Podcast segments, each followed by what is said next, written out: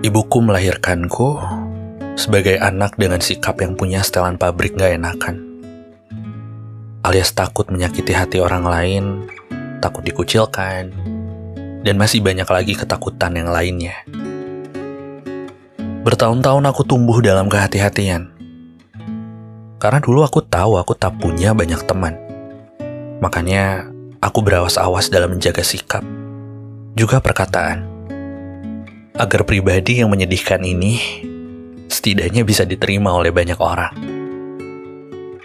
Atas dasar itu juga, tak jarang aku selalu berusaha mengubah diri untuk jadi apa saja yang orang lain inginkan. Tekun segiat mungkin, berusaha sekuat mungkin, hanya untuk menyenangkan hati mereka. Sayangnya, itu semua tidak pernah membuahkan hasil. Jadi sekeras apa pun usahaku, orang lain akan selalu memergokiku menyebalkan. Tetap melihatku sebagai najis yang pantas untuk dirundung bergiliran. Atau dijauhi dari lingkaran pertemanan.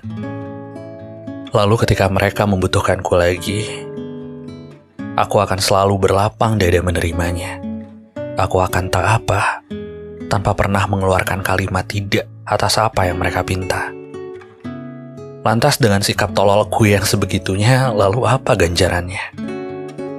Hasilnya adalah hatiku jadi terlalu banyak menerima luka. Berkali-kali harga diri ini ditikam, dirajam, dihantam, tanpa ada sedikit pun jeda. Aku pun jadi punya hobi kalah, hingga lelah karena tak bisa mengenyangkan semua orang. Dan aku masih bisa-bisanya memainkan peran sebagai dermawan yang memberikan izin kepada orang-orang untuk terus berbuat buruk secara sukarela. Waktu pipi ini basuh, ketika tulang-tulang ini rubuh, aku berpikir, apa semengerikan inikah manusia? Apa semenjijikan ini ya dunia? Tanpa aku sadari, lama-lama lebam yang bersarang di tubuhku itu sembuh dengan sendirinya. Bagaimana bisa? Aku pun tidak tahu kenapa.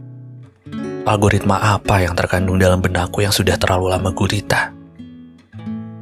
Butuh waktu yang lama untuk bisa mencari jawabannya. Namun kali ini akan aku bocorkan kepada kalian semua bahwa sebenarnya kita masih bisa tetap menjadi baik tanpa perlu melukai diri kita sendiri, yaitu dengan mencoba menolak hanya dengan sebisa mungkin mengelak. Biarkan bergejolak dan meyakini bahwa berbuat tegas bukanlah hal yang jahat. Sebab ketika jiwa ini menderita, lantas siapa lagi kalau bukan diri kita sendiri yang bela? Karena bukan hanya warasnya mereka-mereka saja yang perlu kita jaga, melainkan hati kita juga. Karena ketika semua orang pergi dan sibuk dengan urusannya masing-masing, toh hanya akan tersisa kita saja dan pikiran-pikiran kita yang asing. Memang, belajar mengutarakan pendapat itu butuh waktu. Tapi setidaknya, bila mau dicicil dari pintu ke pintu, suatu saat, kejujuran itu bisa jadi faktor penentu. Dalih setia kawan atau enggak enakan untuk mengiyakan segala ajakan, selama ini sudah membuat kita jadi acak-acakan maka hentikan sekarang juga bila kita sudah merasa berserakan. Tidak apa-apa jika sudah terlanjur berantakan. Setidaknya, sisakan sedikit tenaga untuk lekas pulih bergerak merapihkan. Nanti, satu demi satu, orang-orang yang tak suka akan pergi dari kita karena sudah merasa janggal. Biarkan saja. Biarkan mereka-mereka menjauh dan tanggal dan biarkan mereka yang benar-benar sayang sama kita lah yang akan bersedia tinggal.